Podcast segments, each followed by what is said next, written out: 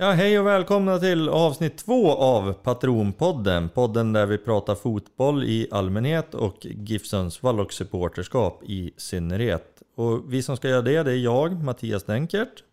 Och jag, Thomas Rex. Och jag, Johan Martinsson.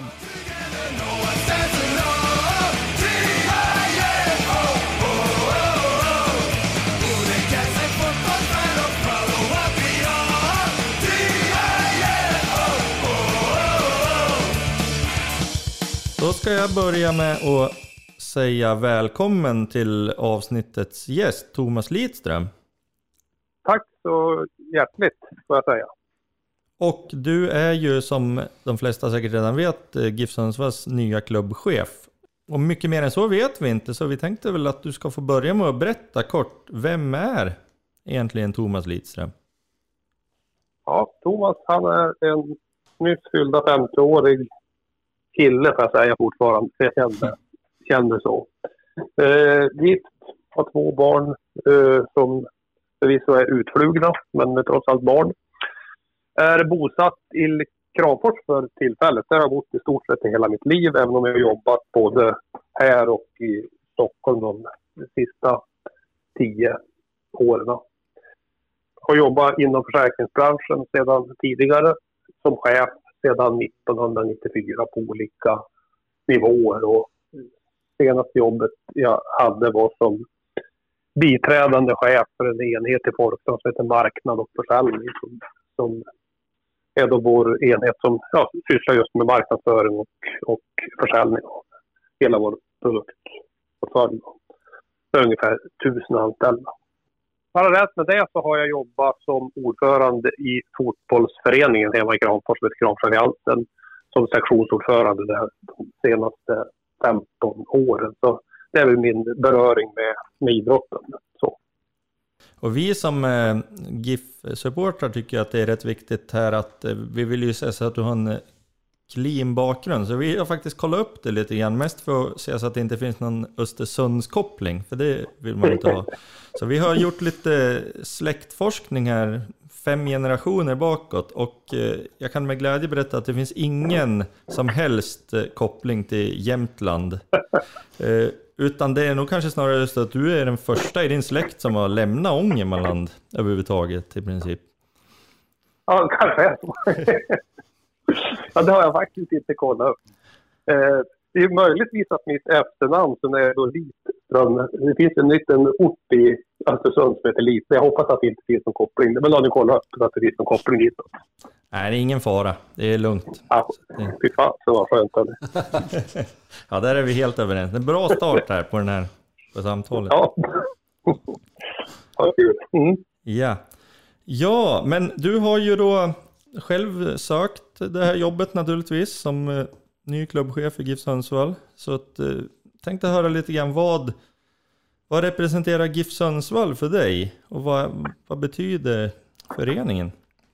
Det är ju så här att GIF Sundsvall är för mig en, en anrik eh, storklubb en, med allsvenska meriter. Jag har suttit och bläddrat slagit lite jag också och såg att man är 22 tror jag i maratontabellen. Så det är ju liksom en imponerande klubb på, på alla sätt.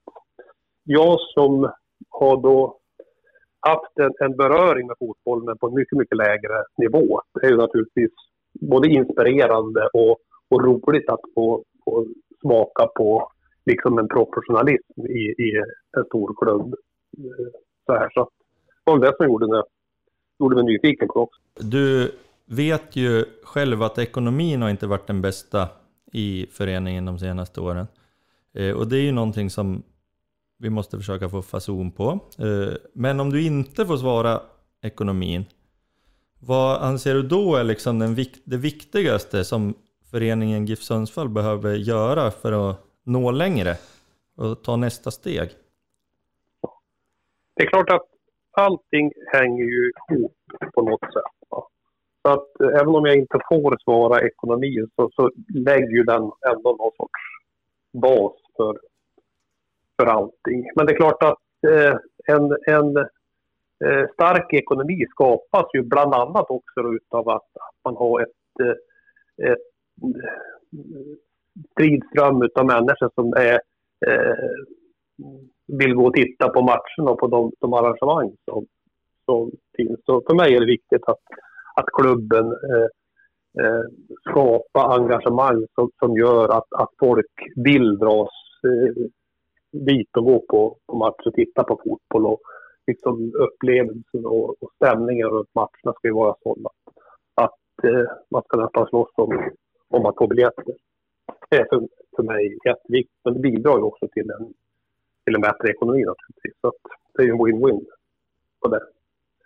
Mm. Eh, det är det ena. Det andra är att jag, jag tycker att det, det är viktigt att ha, att ha en, en fungerande ungdomsverksamhet och framförallt en fungerande akademiverksamhet eh, så att man eh, förkovrar de, de talanger som finns i, i regionen för att kunna klara allsvenskt spel. Det är också en jätteviktig fråga för mig. Och då är du inne på det här med engagemang och jag tänker i Sundsvall så har det ju varit lite så, är väl till viss del fortfarande, även om IFK Sundsvall är en, eh, ja de är ju, min, ja, på, ja vi kan säga på dekis helt enkelt, det är de ju. Eh, men det har alltid funnits en rivalitet. GIF Sundsvall har inte självklart varit liksom folkets lag, hela Sundsvalls lag så. Eh, hur skapar man det här engagemanget då? Har du några tankar där? Det där är en sån där fråga som jag känner att, att eh, det här måste man vara flera som hjälps åt eh, eh, kring det. Och det är ungefär som man eh, tittar på, på Postkodmiljonären eller något där man, man ska fråga publiken. Så där så är det dumt att liksom den som sitter i heta stolen eh, avger någon sorts någon gissning eller något svar på det där. För det är så lätt att, att allting blir färgat av det. Så därför, det där är typiskt en fråga som jag känner att här vill man involvera dels den, den duktiga personal som finns inom GIF Sundsvall idag. Men också till exempel er i supporterföreningarna eh, för, för, att höra vilka tankar och idéer som finns. Och sedan när man väl har, har fått det totalgreppet, då, då lägger man en plan för hur man ska, ska nå dit. Så det är en sån där som jag gör en liten, för att snacka hockey, så en liten färg ut på just för, för tillfället. För att återkomma om det sedan. Har du någon koll då på det här med jag tänker kring varumärke, jag förstår ju att man vill involvera andra anställda och även andra engagerade också i det, men eh, om man tittar på större klubbar, om vi tänker Stockholmslagen och Göteborgsklubbarna, så här, där är det ju väldigt starkt eh, varumärkesbyggande. Liksom. Eh, har du några tankar rent allmänt kring hur man kan bygga ett starkare varumärke kring ja, kring klubben eller kring klubbar generellt? Liksom? Jag säger så här att, att eh, det finns ju olika delar i, i om, man, om man ska titta på varumärkesstyrka. Sådär. Eh, GIF Sundsvall har ju idag ett varumärke som är starkt sett till perspektivet att folk känner till det. Så då kan man fråga ganska många och få en ganska hög andel som skulle säga att, att man vet att GIF Sundsvall är en en fotbollsklubb som spelar rätt högt upp i seriesystemet. Så man känner till varumärket. Däremot så är det, den ni är inne på egentligen, det är inte kopplat kanske med så mycket känslor till det. Det är, det är eh, färre som kanske älskar varumärket, så som man kanske gör med, med Hammarby eller andra de här Stockholmsföreningarna som jag tror att du tänker på. Mm. Eh, jag tror återigen så handlar det om att långsiktigt bygga en kultur och, och också långsiktigt eh, försöka jobba med, med upplevelsen utav, utav eh, varumärket. Jag tror att man, man måste också komma och bli mer, eh, ja, ha, ha ett personligt beroende till, till de som är eh, medlemmar eller de som är supportrar till, till föreningen. Så att man kan, kan kommunicera på, på rätt sätt. Att man hittar in i folks hjärta på något sätt. Och det, det tror jag man kan använda många olika. Dels är det upplevelsen på arenan, men sen tror jag att det är upplevelsen i diverse sociala medier. Jag tror att det är också frågan om vad föreningen gör förutom att spela fotboll, alltså hur man uppfattas lokalt på, på hemmaplan i ett antal olika samhällsengagemang och andra saker. Och hur man är och upplever, eller upplevs i största allmänhet. Jag- måste få flika in. Jag tänker på när du pratar långsiktigt om det där. Där känner jag snarare att jag vill ha det nu, lite kortsiktigt. Eh, Vi är ju en ganska gammal förening redan, så att om du förstår vad jag menar. Ja, jag förstår vad du menar. Däremot så tror jag att en, en eh, förändring utav, utav eh, en- kulturförändring tar tid. Jag man måste ha, ha respekt för. Så. Mm. Men du då som eh, har bott uppe i Kramfors eh, större delen av livet. Hur ser det ut där uppe av ren nyfikenhet? Eh, Finns det ett eh, liksom stort intresse kring GIF Sundsvall där uppe? Jag vet, vet, jag har faktiskt jag testade den frågan lite grann sen det, sen det var aktuellt när jag hade fått det här jobbet. Och kollade med lite, ja, både lite uh, ungar som man har runt omkring sig och eh, även eh, vuxna. Och, eh, jag skulle vilja säga att i de här trakterna i vart fall så är det inte, det är inte fler som, som gillar Sundsvall än som gillar Hammarby eller AIK eller Djurgården. Eh, man tycker att det geografiska avståndet skulle göra att fler gillade Sundsvall än, än de här andra Stockholmsklubbarna. Men jag tror nästan så skulle du ställa frågorna så är det, är det någon av dem som, som plockar hem eh, vinsten i, i den supporterkampen. Tyvärr.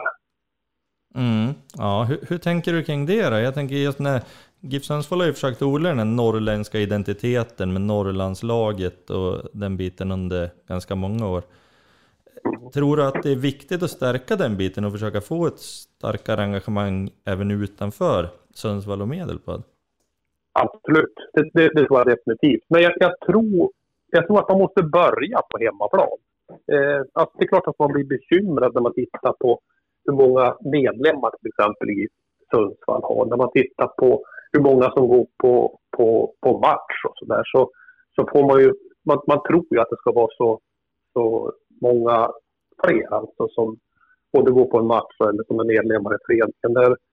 Där medlemsantalet ligger under tusen så tänker man så då är det ju någonting som är fundamentalt fel. Och jag tror man måste börja på hemmaplan. Jag tror att det är viktigt att eh, när, när eh, man får igång draget, då tror jag också att man ska se till att, att man involverar en, en större del utav, utav upptagningsområdet. För det är klart att, att folk från Kramfors åker ju i stort sett en gång i veckan ner på Birsta och handlar, så man skulle lika väl gärna kunna fara på match eh, i Sundsvall.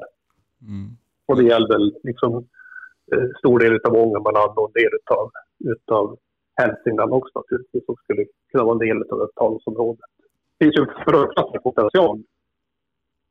Jag tror att det är helt rätt också. Jag tror att man, man har försökt att och, och gena lite och börjat eh, sikta in sig på Norrland för att man har blivit klar hemma så att säga. Precis som du säger. Jag tror att det är helt Ja, jag- rätt. Jag, jag tror man måste, måste, måste börja där. Mm. Eh, sen kan ju i ett annat perspektiv kan det vara Norrlandslaget. När man tittar på vilka som ska söka till, till Benny Mattssons akademi. Det är Mm. klart att då ska det ju vara ett upptagningsområde som är mycket, mycket större. Mm. När man tittar på de som ska komma och kika på matchen och de som kanske primärt ska vara någon som sponsrar och så, så vidare. Då tror jag att man ska titta på lite mer närområdet där till att börja med. Ja, men just medlemsbiten, du sa där att det inte fanns så många Mm. medlemmar. Eh, hur, Ja, hur värvar ni Alltså, dem? ja, ja, alldeles nu i, i december, slutet på december, så vet jag att man, att man eh, de sista dagarna jag var inne och hälsade på där på jobbet, jag har ju faktiskt börjat jobba förrän i morgon egentligen, det är min första arbetsdag.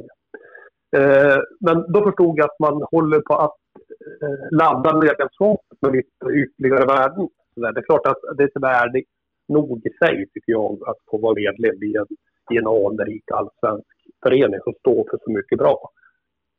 Men sen har man dessutom laddat in medlemskapet med ytterligare lite företag. Att man, kan, man, får, man får lite benefits på, på lokala företag och gym och, och sådana grejer. Eh, och det här kommer släppas nu precis efter, efter helgen och det är klart att då lättar det upp lite grann. Och jag hoppas ju också att man på de här ställena också kan hjälpa till att sälja medlemskap. Likväl som jag, jag, jag tycker att det ska vara naturligt för, för folk som går på, matcher att också vara med och vara medlem i den förening som man uppenbarligen älskar och vill se spela bra fotboll. Jag tror att man måste också få folk att förstå att ett medlemskap innefattar ju rätten av att rösta på årsmöten, påverka den förening som man är med i och, och att alltså, bygga upp en förståelse för vad ett medlemskap är. Sen om man får 15% på liksom inte sport, det, det, det må vara hänt men jag tror att förståelsen för vad ett medlemskap är är ganska bristfällig hos många lekmän egentligen. Absolut, helt rätt. Det, det är väl egentligen det som är grund, grundbulten, att, att få vara med och tycka, tycka till. Och det som är lite unikt egentligen med svensk föreningsliv kontra ja, alla bolagiseringar som finns runt om i, ja mm. det finns ju i Sverige också i och för sig, men, men runt om i Europa är det ju, är ju mer egentligen rena företag istället för mm. jag, tror, jag tror lite tvärtom där jag faktiskt Johan. Att jag tror lite mer att Sundsvallsbon i allmänhet är mer ute efter 15% på Birsta än vad de är efter att sitta och tycka till i ett styrelsemöte om GIS Sundsvall. Tyvärr. Ja, det är möjligt att de är det, men, men vi måste väl välja vad vi vill förmedla, tänker jag. Absolut. Jag tror kombinationen är jättefin faktiskt. Ja, det bra, behöver inte vara fel. Nej, absolut. Men visst är, visst är Tyskland också, jag tror Tyskland har 51%-regeln som Sverige va? Tror jag. Ja, det är lite mer än vad jag känner till faktiskt. Men i och för sig har de Red Bull Leipzig också, som i och för sig heter RB Leipzig istället för att man inte ska, man ska kunna gå runt regeln. Så att det går väl att mm. smussla. Men.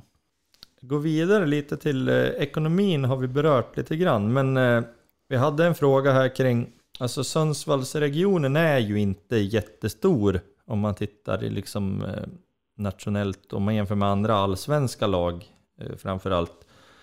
Eh, vad tror du, räcker det med liksom, för att få in sponsring och, och bättra på ekonomin och så här, räcker den basen som finns i Sundsvall för att liksom kunna finansiera ett allsvenskt lag? Eller måste man söka sig utanför regionen också? Och i så fall, vad krävs för att kunna göra det? Det är en lång fråga, men... Ja, och många. Ja. men, men jag ska försöka bena i den. För det första kan jag, kan jag på den så här.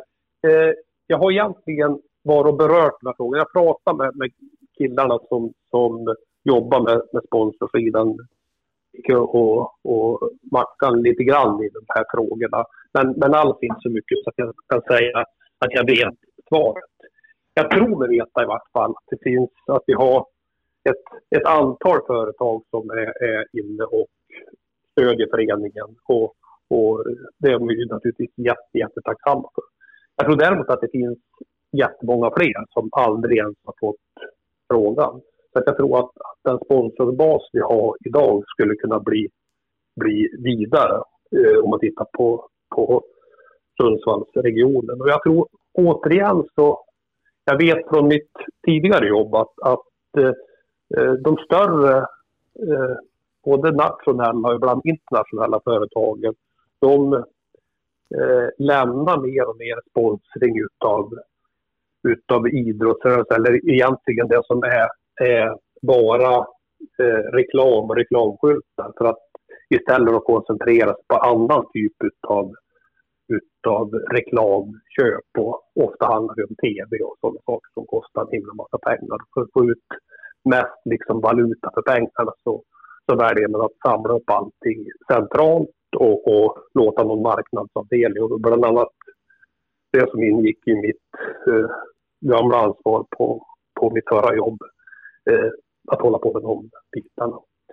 Eh, så därför är det svårare att, att få eh, större företag att satsa på lokala klubbar. Därför tror jag att man måste bli ännu bättre på att, att stärka det lokala eller varumärket för föreningen lokalt. Och, och eh, också känna att företagen som går in och stöttar föreningen ska också få, få eh, bra valuta tillbaka utav, utav klubben på olika sätt. Och därför tror jag att, att vi har en hel del att göra på, på plan. Sen om, om, om det är Sundsvall, om det är Medelpad eller om det är Västernorrland eller vad gränsen liksom går för där vi ska jobba, det, det, eh, har jag inte svar på just nu. Men, men jag tror att det finns mycket kvar att göra där, där vi är idag. Mm. Ja, jag, jag, tror att du är något på spåren. Det är lite min bild också. För, inte vet jag, men för 30, 40, 50 år sedan så kunde ju man gå till företag och säga ja men du, ni gillar ju Giffarna liksom. Eh, sponsra oss. Men nu är det ju viktigt att företagen känner att de får valuta för pengarna liksom. Att de får någonting Mm. tillbaka.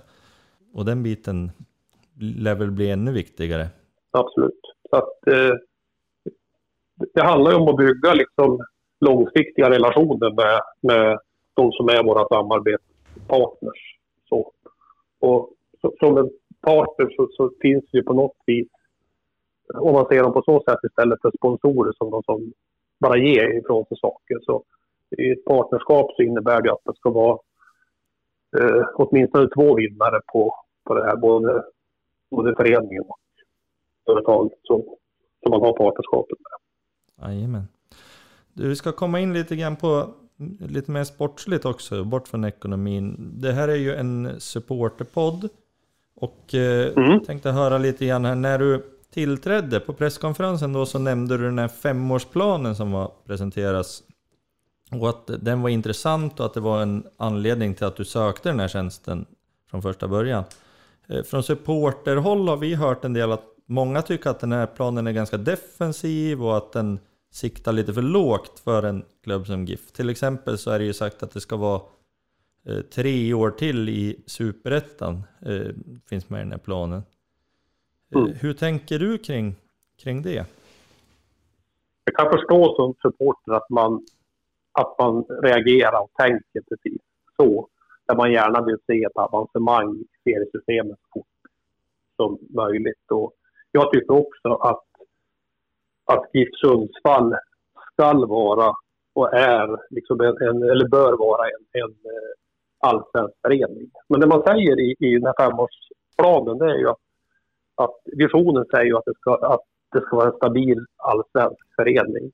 Och tänker man då stabil så, så innebär det också att man måste göra ett jobb innan man eh, kanske kan få den stabiliteten så att, att man kan eh, avancera till allsvenskan men också bli kvar i allsvenskan sett över, över rätt lång tid. För att vara ett jojo-lag som hoppar upp och ner mellan, mellan superettan och allsvenskan det är inte liksom till gagn för, för dem egentligen. Det blir en stor omsättning på, på spelare och publik som pendlar mellan hopp och förtvivlan och så vidare. Så där. Och svårare med, med sponsorer och med ekonomi och med allting sådär.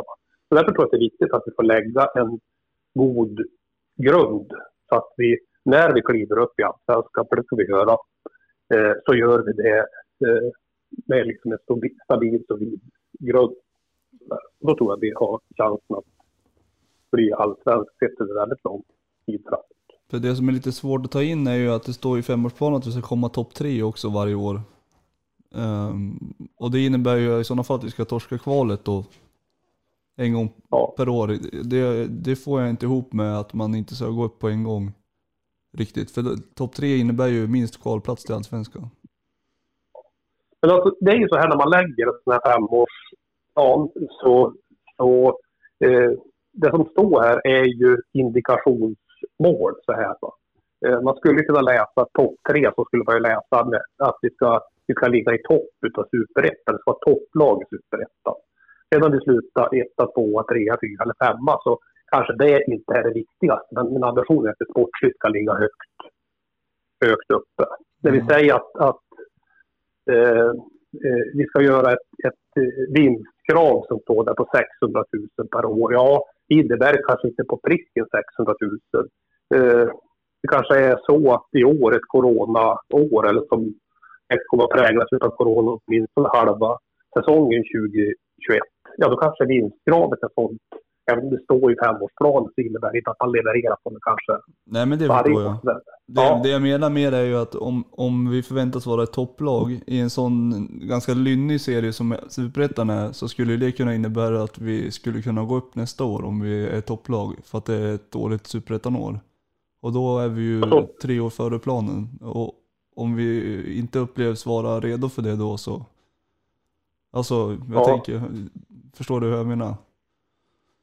Ja, eh, jag, för, jo, jag förstår vad du menar. Eh, Jag skrattar till lite grann. För, det är en också av de här erfarenheterna. Jag brukar säga det. Jag, jag känner igen byggklossarna i, i Sundsvall från mina år i Kravsalliansen. Med all respekt att GIF Sundsvall är större på alla parametrar. Det går inte alls att jämföra på många sätt. Men byggklossarna ser ungefär likadant ut. Och det var också skräcken ibland när vi satt i, i styrelserummet hemma i Kramfors när vi var på väg att vinna division 3. Mm. Och jävlar, ska vi upp i två? Det har vi råd med det där. Ja, ja men man kan inte säga till tränarna att vi, vi, kan inte gå för det. Liksom. Sådär, utan, utan det sportsliga måste ju få få några sportsliga framgångar med. Sen får man väl hoppas att, att när vi väl tar steget upp så är vi så pass väl förberedda så att vi kan göra mm. bra ifrån oss i, i mm. allsvenskan. Ja, okej. Okay. Men det där var, det där var en sån där eh, kuggfråga nästan.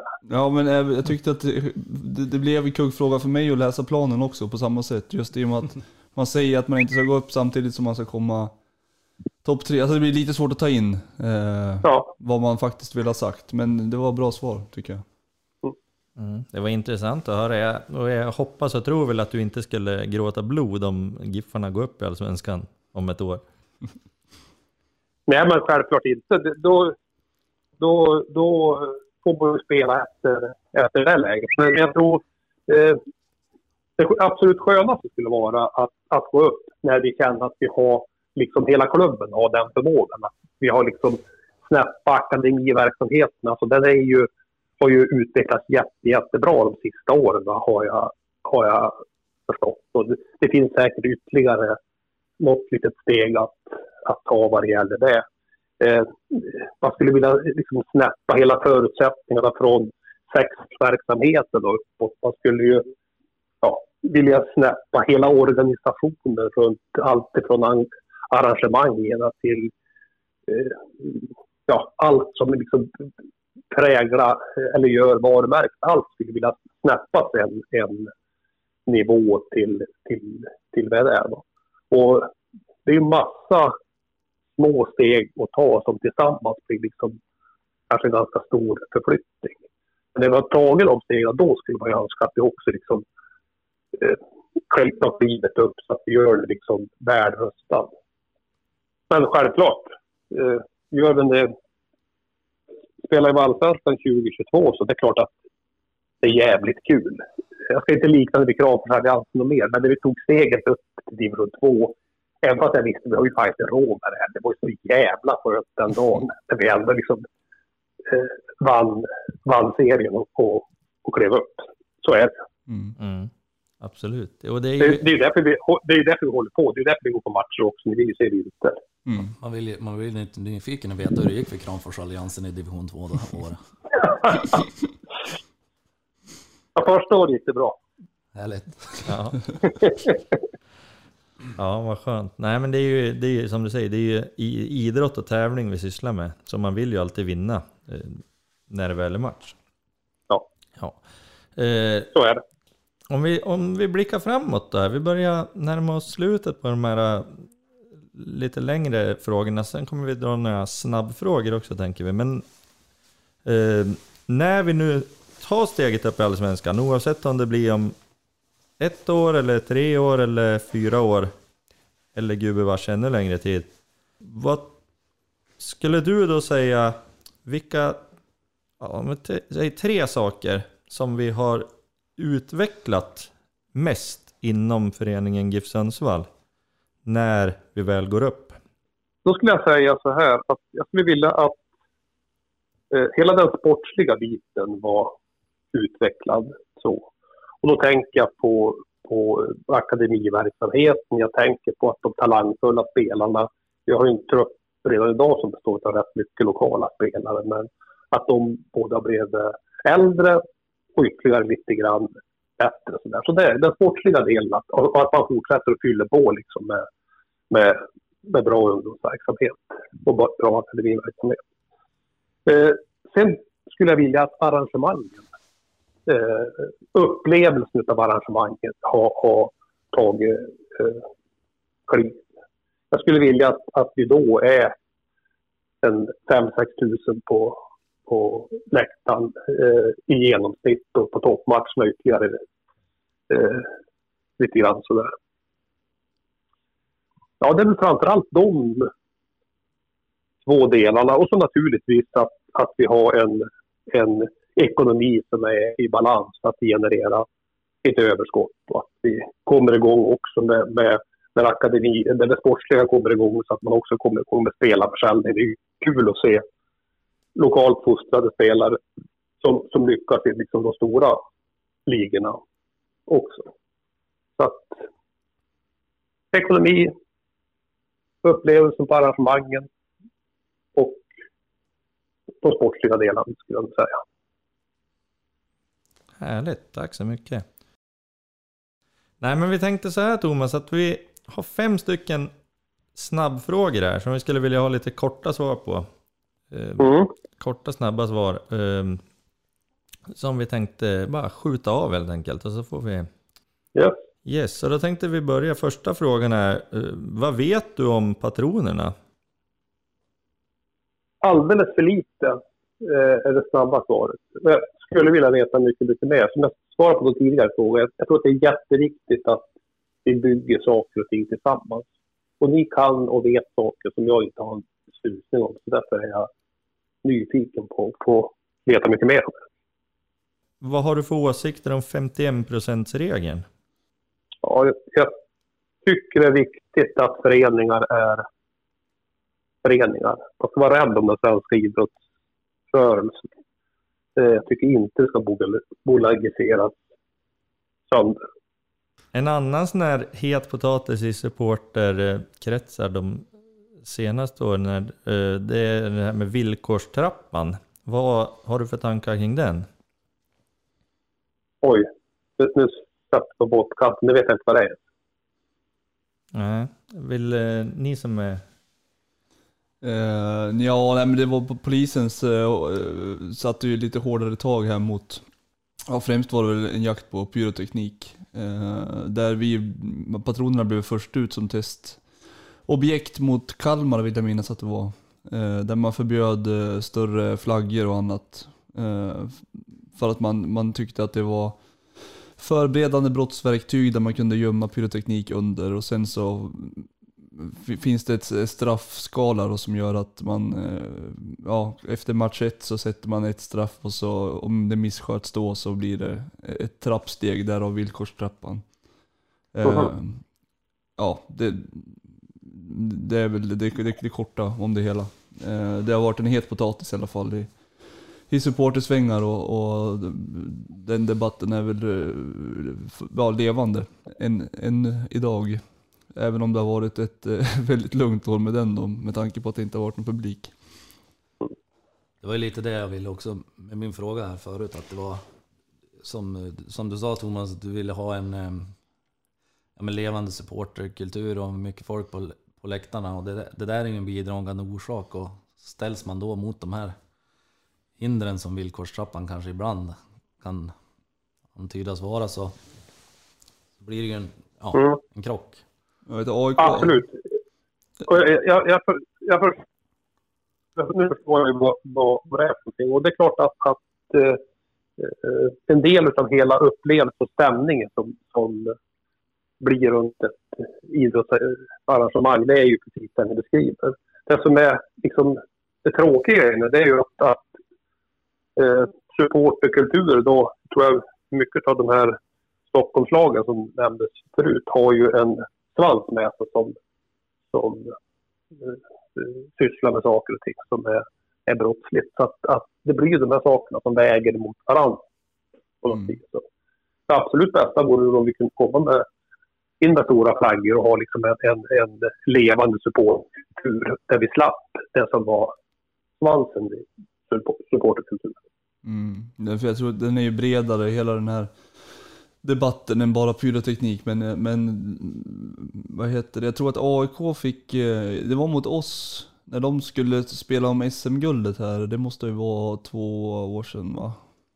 Eh, ja, precis. Eh, och då fick de publikreduktion mot oss, så de fick inte ta in eh, så mycket folk. Och nu fick de svar på det tror jag i veckan. Alltså de har ju drivit det som någon slags polis eh, då med åklagare och grejer. Ehm, och ble, jag fick avslag på det. Och det är väl en del i det tror jag, om jag inte är helt ute och cyklar. Ehm, Ja, den är, den är, den är bredare än bara, än bara pyro. Men, men eh, ja, vi kan ju ta den vid något annat tillfälle. Där vi vet mer.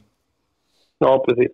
Ja, jag, jag ber om ursäkt, den hade jag liksom inte Nej, ingen fara riktigt koll på känner jag. Ingen fara alls. Du lär få höra mer om den, Ja, tänker vi. Ja, det låter så. Ja. Eh, nästa fråga, eh, jag vet inte vem som har ställt den här riktigt, den är spännande i alla fall.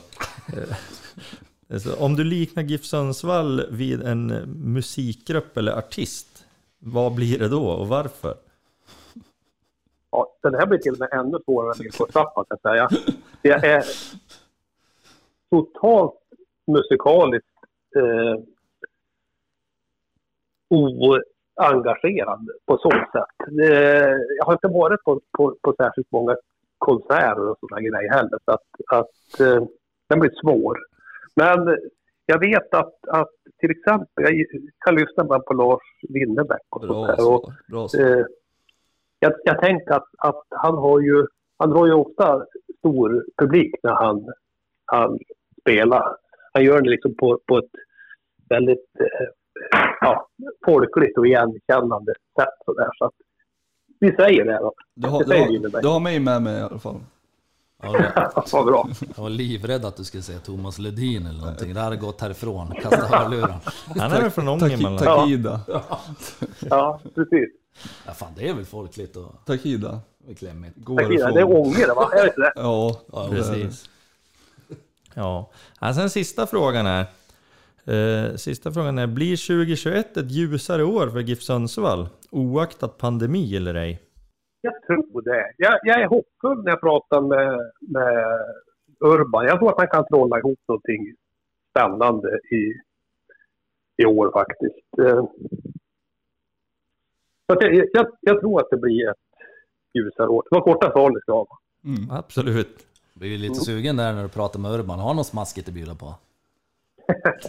Nej, nej, Urban får bjuda på, på sina nyårsraketer själv. Så, Tänk att det vore roligt om du bara tog över den här nu och bara chockade alla och bara kom in med en... Kommer att bli listan. så jäkla omtyckt liksom från början. ja, Zlatan har skrivit ett treårskontrakt. Han spelar gratis. för Hammarby. Ja. Ja, nej, men det låter bra. Eh, ja, då ska vi se. Är det någonting ni vill tillägga? Vi börjar närma oss, eh, eller jag börjar känna mig rätt nöjd i alla fall. Varför sökte du jobbet Thomas? Varför just GIF Sundsvall? Jag vet att du på det lite grann, men vad är det som gör att det här känns jättespännande och intressant för dig? Och att, och att du känner att du kan bidra med något? Eh, jag skulle säga så här att, att eh, Gipparna är ju ändå liksom storlaget här omkring och fotboll är, har varit min idrott rent ledarmässigt. Eh, sen eh, när, man, när jag kände på, på vad som behövde göras så, så kändes det som en spännande, spännande utmaning. Plus, jag har varit ute och jag jobbat i Stockholm som sagt i tio år förut och eh, Stockholm är bra på, på många sätt och vis, men det är, det är Norrland som jag älskar och Västernorrland i synnerhet. Så därför kändes det här som en perfekt kombo. Jag kokar ihop mina intressen med mina skills. Så då stod det GIF Sundsvall i pannan på mig. Ja, tackar. Vad har du för favoritlag utanför Giffarna om vi drar utanför Sveriges gränser? Ja, jag, jag kan nog gilla Manchester United eh, faktiskt. Eh, sen naturligtvis så, så man blir ju imponerad utav Barcelona. Eh, talanger som de har. Så de är ju skillade att säga annat. Sen att de rullar boll i sidled lite, kanske lite väl kan man ju tycka ibland också. Jag kan ställa en fråga som jag brukar ställa till folk. Är det någonting som du tycker att vi har glömt att fråga om, som du gärna skulle lägga till? Ja, men alltså, jag vet, ni, ni har väl antar ett antal lyssnare på det här. Och det är klart att det är ju bland annat ni i supporterklubben, i patronerna som är, eller ni är ju kärnan i, i vår, vår eh, publik. Sådär, va? Och det är klart att om vi nu ska bli bättre, om upplevelsen ska bli bättre, starkare och större om vi ska få fler på matcher. Det är ju, liksom, det är ju jätteviktigt vad alla vi gör. Både vi som jobbar i föreningen och ni som är supporter till föreningen. Ni kan ju se till att knacka på någon axel och det är ytterligare någon komma på, på en match. Ni är ju de som är med och skapar stämningen när, när folk kommer dit. Så att, ni är ju jätte, jätteviktiga och det vill jag tacka för det, allt som har gjort hittills. Och jag hoppas att vi kan ytterligare snäppa upp vårt samarbete med varandra. Ni är liksom de starka ambassadörerna för, för föreningen. Så tusen tack för det. Både ni tre som jag har fått chansen att prata med nu och alla andra som sitter där ute i kojorna och, och lyssnar. Tack själv. Tack själv. Mm, tack. Ja, tack så mycket. Mm. Men då tackar vi dig så mycket Thomas för att du tog dig tid. Och, Ja, tack, tack själv. och så önskar vi lycka till på första jobbdagen imorgon. Ja, tack så hjärtligt. Det ska bli spännande. Jag har packat väskan nu med, med dator och penna och suddgummi och allt det där. Så nu jävlar kör vi. Då går vi vidare till nästa segment av podden och det är det segment som vi kallar för Tankesmedjan där vi tänker och tycker till om diverse aktuella ämnen. Och den här gången tänkte jag börja med det som det har skrivits om eh, under dagen här faktiskt när vi spelar in, nämligen att det sägs att GIF har klart med en ny assisterande tränare, Brian Clairhot från Umeå FC. Vad tänker vi om honom killar? Ja, Amerikan. ja det, det tänker vi. För, för det är han. Ja, Från New Jersey läste jag. Eh, jag visste inte vem det var. Jag visste inte ens att han hade tränat Umeå. nej inte jag heller. Jag fick googla. Ja, men eh, det stod snart klart att han har tipsat om Romain Gall och haft Carlos Moros Gracia i, ja, under sina vingar helt enkelt. Eh, jag, jag är 33 år. Eh, ja, det, jag vet inte vad jag tycker. Jag tycker eh, inte så mycket. Jag hoppas mer. Jag har heller ingen koll på honom sådär. Det, det ringer lite så Ted Lasso-vibbar för mig. Jag hoppas att... Ja, har han Ted Lassos engagemang så då är jag nöjd. Men fotbollskunskapen hoppas jag på lite mer kanske. Berätta mer om Ted Lasso. För Ted Lasso, förmodligen världens bästa serie. En fotbollsserie på, nu ska vi inte göra reklam, men en streamingtjänst nära dig. Om en eh, amerikansk fotbollstränare som blir eh, topptränare för ett ja, Premier League-lag och kan väl ingenting om europeisk fotboll. Vi kan väl nöja det där. Men han är en eldsjäl och en härlig, härlig, härlig person. Spännande. Nej, vi, vi kanske får tillfälle att prata mer om och med Brian Clairhot eh, vid senare tillfälle. Det jag vet är att han har varit eh, tränare för Nyköping, eh, där han då bland annat hade Romain Gall får man gissa, som du var inne på Johan. Och den senaste säsongen var han då i Umeå som huvudansvarig tränare där, som ju åkte ur Superettan. Och jag vet inte om det var i och med det, men därmed så bröt de det tvåårskontrakt som de hade mellan varandra eh, här i tidigare i december. Det känns som att Umeå hade behövt en... Jag tror inte de hade klarat sig med Mourinho, med det där laget de hade. Så jag tror Nej, inte man ska dra så stora växlar av att de åkte ur egentligen. Ja, det har behövt en Steve Galloway på topp kanske. absolut. Eller i duschrummet. Man får väl tänka sig att eh, han gör ju ett uppköp oavsett. Ja. Eh, vi lämnar Clairot och så går vi vidare till eh, nästa ämne för tankesmedjan. Här. Vi tänkte snacka lite grann om hemvändare och om klubbhjärta. Det är ju någonting som också är aktuellt. Det har snackats och det har skrivits om både Robban Lundström och Linus Hallenius de senaste veckorna som två namn som skulle kunna vara aktuella för Giffarna kommande säsong. Vad eh, säger vi? Vore det bra spelare att få in? Två drömvärvningar skulle jag säga. Jag ser det som fantastiska fotbollsspelare och personligheter och som vi pratade om, stora klubbhjärtan också. Så att jag skriver under papperna idag. Mm. Alltså fotbollsmässigt är det ju jättebra, tycker jag. Alltså, det, vi kommer ju inte få... Det går inte att hitta några, några bättre spelare i dagsläget att få till oss. Sen eh, är det ju två olika situationer. Eh, dels en med Linus som är infekterad, milt uttryckt, eh, med delade läger. Och sen en med Robban som är väldigt önskvärd och som är väldigt ja, omtyckt. Jag tror att båda kommer spela hos oss. Sen tror jag att Linus kommer få jobba hårdare för att få tillbaka folket på sin sida än vad Robban behöver göra. Men hur är det med det, alltså det du refererar till här som kanske alla våra lyssnare vet, men det är ju att Linus Alenius var aktuell redan i somras, men då valde att gå till IFK Norrköping istället. Ehm, och därmed kanske brände lite broar i, i vissa supporterkretsar. Men hur, hur, tänker vi där då kring just det här, alltså spelare som faktiskt har, har nobbat och istället gått någon annanstans och sen eh, det gick ju inte så bra för Linus i Norrköping om vi tar honom som exempel. Och nu eh, eh, sägs han då vara aktuell igen. Vad tycker ni om det här liksom att man välkomnar tidigare spelare tillbaka eh, som ju uppenbarligen har valt andra klubbar tidigare? Alltså jag tycker att vi kan ta med Robban som exempel. Faktiskt. Mm.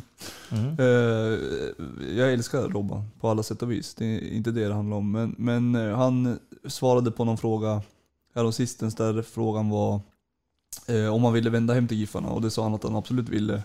Om inte nu så senare eller någonting i den stilen. Eh, och där tror jag föreningen måste börja bli lite, alltså man måste ha lite bättre stake tänkte jag säga. Men liksom det kan inte vara på spelarnas eh, premisser hela tiden att för Robban är 31 nu. Skulle han ta ett kontrakt nu på två år någonstans och sen vända hem när han är 33. Då, eh, alltså det, då måste det ligga på, på föreningen. Och det känns som att vi alltid tar emot hela tiden. Att, att vi aldrig sätter ner foten själva och säger att nej men, eh, liksom, nu- det är nu eller, eller så får vi se. Det blir alltid att vi gör, alltså det, Tobbe Eriksson i all ära, fin person, fin spelare, men vad gjorde han? Han var här två sista åren, satt på bänken i Allsvenskan, satt på bänken i Superettan, gjorde några matcher då och då. Mm. Alltså behövde vi Tobbe Eriksson de här två åren? Jag, jag, jag, alltså det var en bra truppspelare, absolut, men jag är inte helt omöjlig på att man skulle kunna fått en bättre spelare än Tobbe Eriksson. Jag förstår vad du säger Johan. Jag håller faktiskt konstigt, konstigt att vi sitter så här och ska hålla med varandra också. Men jag, jag håller faktiskt med. Ska vi, ta, ska vi ta båda dem? Ska de här komma hem nu så tycker jag då är det, då är det nu. Det måste vara på våra premisser också, lite grann. Så sen, nu får jag prata bara för Lundström situationen. Om han, om han väljer att gå någon annanstans som du säger och han kommer tillbaka sen, då...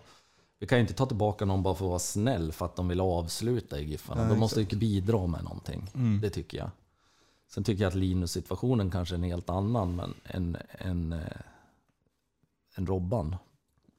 Fast samtidigt, jag tänker Linus, eh, han har ju haft en minst sagt eh, dålig säsong nu i IFK Norrköping. Eh, Vi vet inte alls vart han står någonstans. Nej. Vi har ingen aning. Nej, va- vart står han fotbollsmässigt? Plats, platsar han överhuvudtaget liksom?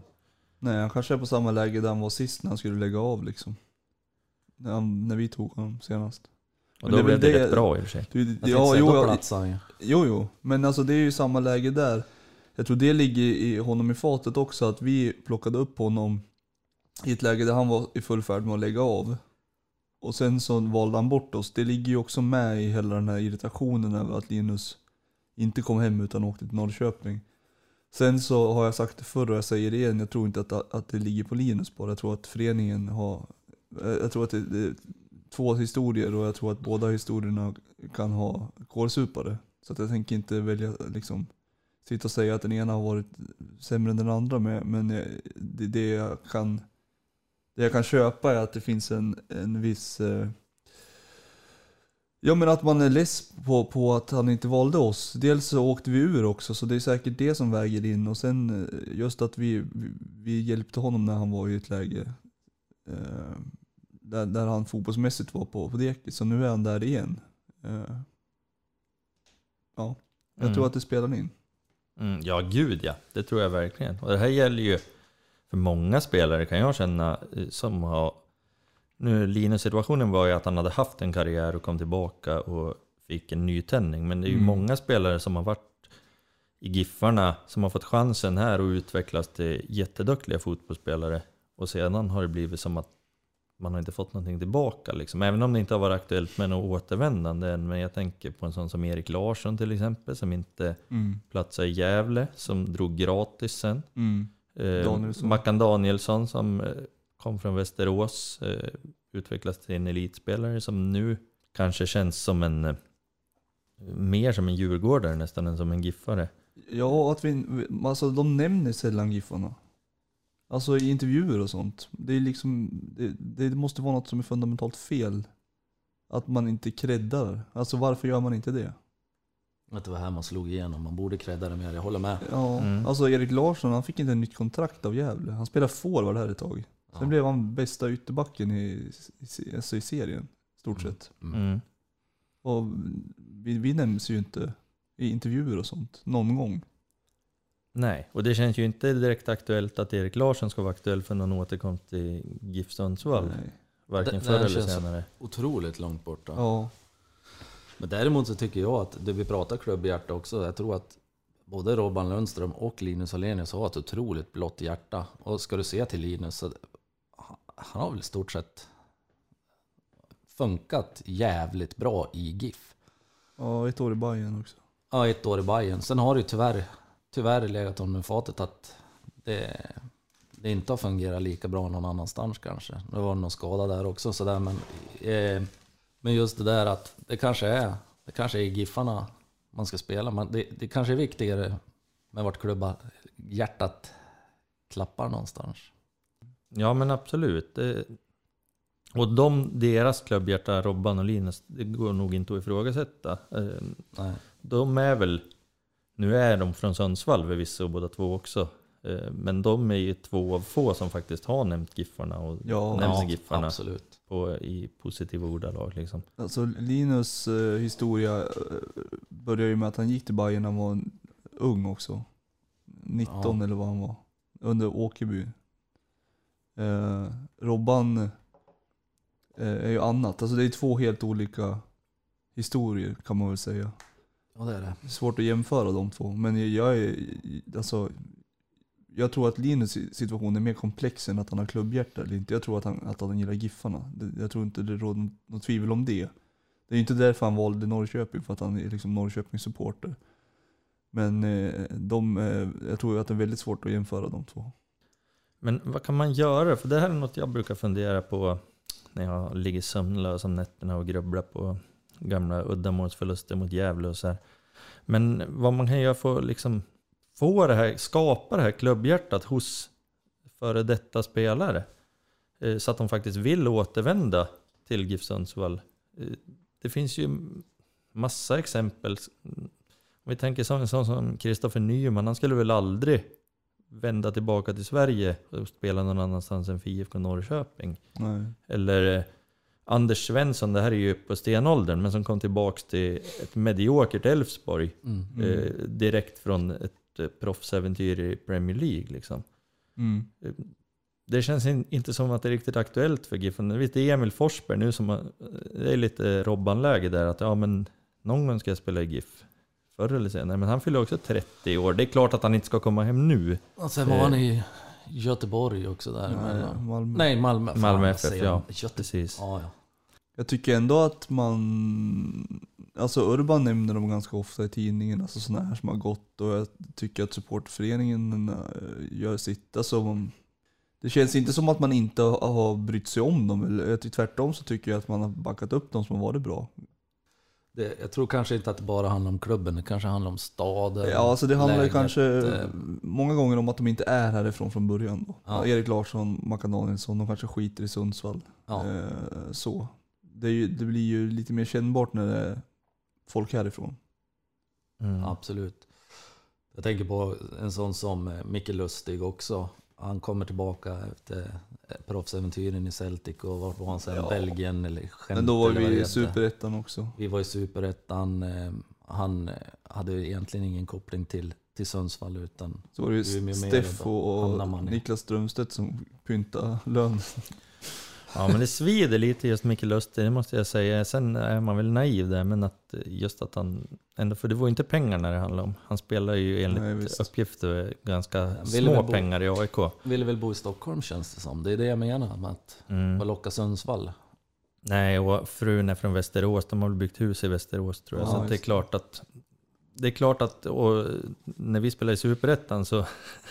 Det får man väl förstå att de är ju fotbollsspelare, man vill spela så högt upp som möjligt och så här, men... Ja, det är smaka fågel med en högerback. Ja, hade inte varit tråkigt eller? Det Nej. hade det inte. Och han har ju liksom bara spelat i Giffarna i svensk elitfotboll tidigare. Mm. Mm. Så att han var ju liksom giffare, men nu är han ju inte riktigt det längre. Även om man försökte få oss att stanna kvar i Superettan genom att ta ett rött kort mot Ljungskile där. Ja, men precis. Men sen stärpte han en lång burk Norrlands guld direkt på slutsignalen. så han kompenserade upp det då. Det finns ett bra foto på det där som jag har försökt att hitta. eh, När Micke Lustig står och dricker långburk Norrlands. eh, Samtidigt som han snackar med sportjournalister från media. Men Stod mamma Ulla och hejade på också i bakgrunden. Är det då Sundfors står med en jättebaksnus också inne och jublar? kan vara. Jag ska, jag ska leta fram den här bilden. Den finns någonstans i någon mör- Jag har den inte själv, men jag ska få tag i den. Den är fantastisk. Ja. Nej men det där med klubbhjärta tycker jag är jätteviktigt. Jag menar, nu, nu ska du se en sån som Emil.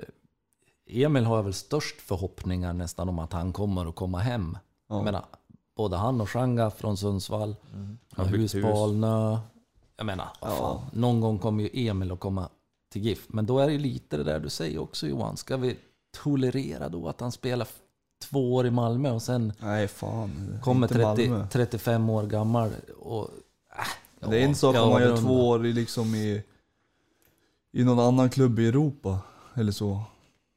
Men alltså jag, jag, ja, det beror ju lite på också vilken nivå han har. Alltså det är konstigt med Emil, för han spelar ju liksom Champions League-semi här för något år sedan väl. Ja, snart igen säkert. Ja, så att det är lite, det, det blir... Nej, men naturligtvis kan vi inte tänka oss att Emil Forsberg ska flytta till Giffarna nästa säsong. Nej, liksom. visst. Så Nej, är det ju. absolut. Men det är just lite som du säger Thomas, det kan jag hålla med om. att Ska han först flytta hem till Malmö FF, Nej. eller hem, men flytta till Malmö FF ett par år? Det skulle ju inte jag tycka var speciellt kul. Nej. Nej, precis. För det är ju liksom, nej. Och sen är det ju det här som ni säger med åldern. Jag tänker, man kan ju tänka att ja, men så länge de tillför någonting fotbollsmässigt så är det klart att de kan vara aktuella. Men då måste man ju väga in parametrar som man, eh, tjänar de? De Ja. kommer inte gå att sälja vidare sen. Så att det är liksom Nej visst. eh, en ren, ekonomiskt en ren förlustaffär. Så sådana saker måste ju också vägas in naturligtvis. Mm. Fan, om man varit ute i Europa och lyft miljoner i lön i veckan och sen är karriären liksom min moderklubb. Får man vara så så... Jag vet inte. Jag kanske har tänkt lite annorlunda Nja. själv men jag, jag ska fan... Man spelar väl gratis? man inte? Nej, fan är det. Det är klart man vad- gör. Nej, alltså vad Marcus Rosenberg, tror han hade liten lön i Malmö? Men varför... Ja men... Sinnessjuk lön. Och det är ju, alltså, Hur sen, mycket hade han tjänat sen innan? Mycket, ja. Werder Bremen bland annat. Alltså grejen är ju också att de ska vara motiverade att spela, de måste ju ha lön. Alltså, jag tror inte man, om man springer runt och spelar gratis, då kan man ju också Spela tänka sig... prestationsbaserat. Nej men vad fan, Mm. nej. Det är klart de ska ha lön. Jag tänker väl lite så här om vi tar, om vi håller oss fast vid Emil Forsberg här. Så Malmö kommer naturligtvis alltid kunna erbjuda mycket högre lön än vad Giffarna kommer göra. Mm. Eh, Men då får man ju ändå hoppas att en sån som man väljer den lägre lönen. Ja, visst. Även om det är en exakt, lön. Exakt. Att man inte bara går på hur mycket man tjänar. För att Nej, han har ju inga behov av de pengarna som han kommer tjäna i svensk fotboll de sista åren av sin karriär. Exakt. Jag var lite dit jag ville komma. Okej. Men jag var, drog det för hårt. Nej men jag håller väl med, men det är ju för att vi är supportrar. Vi, vårt klubbhjärta är ju nästan alltid, eller kanske till och med alltid större än vad spelarna säger. Om man lär inte göra två år i Malmö direkt. Som supporter. Nej.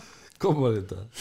Klubbhjärta överlag är väl jävligt viktigt tycker jag. Jag menar, det har väl inte bara på fotbollsplan att göra heller. Jag tycker att det där handlar ju om vad har du för klubbhjärta om du ska jobba inom GIF Sundsvall överhuvudtaget? Det är, för mig är det en jätteviktig fråga. Det hörde du med Ånstrand i första avsnittet också. Han har ett stort blått hjärta som pumpar. Mm. Jo, där är det ju... det kanske nästan är viktigt, alltså spelarna, då handlar det ju på något vis om att prestera på fotbollsplan. Klubbhjärta är jätteviktigt, men vi, kan, vi kommer nog aldrig kunna få en, en GIF Sundsvall-trupp där alla liksom brinner för GIF Sundsvall. Som 2018 så brann de för varann och det kanske räcker. Mm. När vi kommer åtta. Ja, ja Alltså, men precis. Det får väl räcka. Det är svårt att ha, sen, sen vill man ju alltid ha några men men eh, att få ihop en grupp som, spring, som springer för varann och sen indirekt blir det för supportrarna och, och allting också. Sen är det ju en lynnig tid där fler och fler gör saker för sig själva. Eh, allra helst idrottsmän som, som Ja det, det är ju inte så att det är jättemånga Steven Gerrard eller Totti eller sådana som blir kvar i klubben. Man, är, man, man uppskattar ju ändå att du nämner Totti. här. Jag gjorde det för din skull för annars skulle det bli ett jävla liv. Ja, nej men så är det ju. Om man kollar på varumärkesbyggande med Instagram-konton hit och dit och Ja, allt vad det är. Det är väldigt mycket jag. ja. Och frisyrer. Ja, absolut. Eller Emil Forsbergs fall, icke-frisyrer då om vi ska. Ja, Jamie Hopcuts, vad det nu var. Vad hände där? Ja men herregud. Tack han måste ju redan ha bestämt sig när han Ja, tog men- den där nya frillan, eller Tack och lov att vi bröt kontraktet. Ja. Blonderas inte ostraffat i GIF. Nej, det liksom. gör man inte. Det är bara Juanco som får göra det. Ja, men då, då tog han skägget med. Det, Ja, det ska det han ha. Nej, men jag tänker det, jag kopplar tillbaka till det här med klubbhjärta och om jag ser på um, en eh, Facebook-profil på någon som jobbar inom GIF Sundsvall som sitter i Hammarby halsduk och firar en seger på IP när Bayern har tagit tre poäng. Det, det, det ringer fel i mina öron faktiskt också. Nu är väl den där bilden borttagen och det är ju bra, men det borde ju ha varit borttaget redan från början när man blir anställd. Så anser jag. För att det sticker i fel i, i supportrars ögon. Och jag tycker att det är jätteviktigt. Sen om du supportar en klubb och jobbar för en annan, men, men skrik inte ut det liksom. Det, det där är exakt samma sak som att spela fotboll eller gå ut och festa med Djurgården när de har vunnit SM-guld om du är en Hammarby-spelare. Jag tycker att det är, det är inte snyggt. Det är, jag tycker att det är fel. Så jag tycker att det är viktigt att man har ett, ett blått hjärta. Eller har man, ja. Gå in och gör 100% för föreningen i alla fall och håll käften om resten. Mm. Ja, och det är väl, om vi tar den gamla GIF-mittbacken Johan Andersson, eh, som ju... Danken. Danken Andersson. Det var väl ingen som tvekar på att han har ett Hammarbyhjärta. Men Nej, just nej. det här att eh, ska man ju inte visa utåt på något sätt liksom. Utan Nej, gör det ditt bästa. menar. Ja, Mm. ja, men precis. Jag förstår det. Nu sitter jag här och ser mig runt och så ser jag att det börjar att klia rejält i käkarna på Thomas och Johan här. Det betyder att vi måste gå vidare till vårt segment Toppen och botten där ni grabbar får tycka till om eh, någonting bra och någonting dåligt kring Giffarna, fotboll, patronerna. Och idag tänkte jag att vi börjar med dig Johan. En Mm. toppen och en botten. Jag tror att två botten. Eh, nej men först och främst måste man väl säga att Urban får ju sluta med de här självmålen som han gör ibland. Och nu har det skett igen. Eh, där han lovar saker i media i stort sett lite sådär subtilt och sen så blir det ingenting. Eh, nu senast var det ju då i tidningen där han fick frågan om eh, eh julklappar och, och nyårsraketer. Och då sa han att det kunde eventuellt bli någon julklapp eh, och om inte annat så någon liten nyårsraket. Och här står vi eh, med ett rykte på ett anonymt Twitterkonto att e- eventuellt en assisterande tränare är klar och datumet idag är ju då den 3 januari. Ingen spelare är klar, ingen julklapp och ingen nyårsraket således. Eh, och det, det är så dumt för att folk sitter ju och väntar på att det ska ske någonting och så sker det ingenting. Det sätter ju bara onödig press på, på honom själv. Sluta med det Urban. Sen läste jag en, eh, en intervju med eh, David Myrestam här. Där han eh, berättade att han haft svårt att ta sig ur sängen på morgonen under säsongen. Eh, och kroppen var väl i stort sett godnatt som det lät. Så han valde att skriva ett nytt kontrakt ja, i år. Eh, och det känns väl inte så jädra bra som supporter. Att veta att en spelare som knappt har tagit sig ur sängen ska sikta på en säsong till. Eh, sannolikt, eh, eller ja för det första är det en lön som tas upp. Och jag hoppas ju att han är frisk och spelar och är bra, det är ju inte det. Men risken finns ju att han spelar 10 matcher och är skadad 20. Och, och, och, det är ju det man tar med sig när man läser den där eh, intervjun. Att det, känns, eh, det kändes inget bra. Inte alls bra. Eh, så det får väl också vara en botten. Till det positiva så noterade jag att våran forward och lagkapten Pontus Engblom la ut en, en bild på Twitter här i, i, på nyårsafton tror jag till och med att det var med eh, raketerna från, från tifot senast. Eh, det var väldigt kul att se. Toppen, toppen. Ja, två botten blev det där. Så kan det vara vissa veckor helt enkelt. Ja, så giffar det. Ja. Thomas? Jag, jag gillar de positiva, de positiva rubrikerna som jag ser i alla fall om att hemvändarna som jag diskuterade förut, att både Lundström och Hallenius nämns i att eh, komma tillbaka till GIF. Det tycker jag är sjukt positivt om det skulle bli så. Jag hoppas att El Martinsons eh, profetia om att det blir så går in. Det vore en dröm.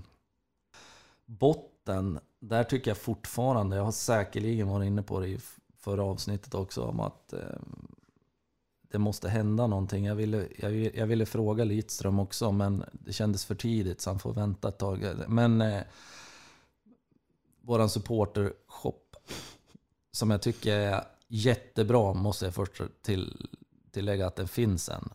Men vad fan, placeringen är ju och utförandet är ju hej. Kan vi ändra på det? Och, och sprida till det där så då tycker jag att det blir bra. Men, men det är fan botten som det är nu. Det är när man inte ens... Kommer du prata om det här varje vecka? Ja, tills det blir en ändring kommer fan att göra det. För att när, när inte ens jag som brinner för merch vill gå in i shoppen. Då är det fan illa. Det är ju, men det är ju det. Det är ju illa på riktigt. Håller du inte med? Jo, visst. Ja. Absolut. Jag gillar bara att, att, att du irriterar så mycket över det. Ja, jag gör fan det. För jag tycker att det, det är någonting som... Är, det är ett varumärke vi snackar om. Ja, men just det. Nu kommer jag på en till botten förresten. Ja, du fan, du, jag tror att jag är... Jag är klar, så bring it on. Tack. Eh, vet ni vad jag såg i, i helgen? En skåpbil som det står Swish för GIF på. Ja, den har jag också sett. Alltså, skrota bilen innan veckan är slut. Vad är det för varumärkesbyggande att ja. åka runt med en bil där det står att de ska swisha till GIF med GIF-loggan över hela bilen? ja, jag vet, jag, jag reagerar på det Kör den till skroten innan fredag. Det är det värsta jag sett. Jag, alltså jag, var det lettisk nummerplåt på ja, men, det, ja, typ. Alltså herregud vilket Ja, det är det värsta jag sett. Det är det värsta jag sett i hela mitt liv. Jag blev så illa till mod så jag fick gå hem och lägga mig. Katastrof. Ta bort bilen. Ja, tack ska ni ha grabbar. Eh, det var ju allt vi hade för den här, eh, det här avsnittet. Eh, angående det här med julklappar så tänker jag att i Spanien får man inte julklappar förrän på 13 dagen, så det kanske är det Urban siktar på. Så då kanske det kommer någon Hallenius eller Robban eller någonting till dess. Ja, kvar i det spanska. Jajamän. Det är Bata som är klar. ja, visst. Bulvankontrakt via Ibiza. ja. Fria drinkar på Svenssons. Det var allt vi hade för det här avsnittet. Tack till Thomas, tack Johan. Tack framförallt till avsnittets gäst Thomas Lidström. Vi återkommer så småningom med fler spännande gäster, mer tankesmedja och framförallt Eh, mer toppen och botten. Tack för idag!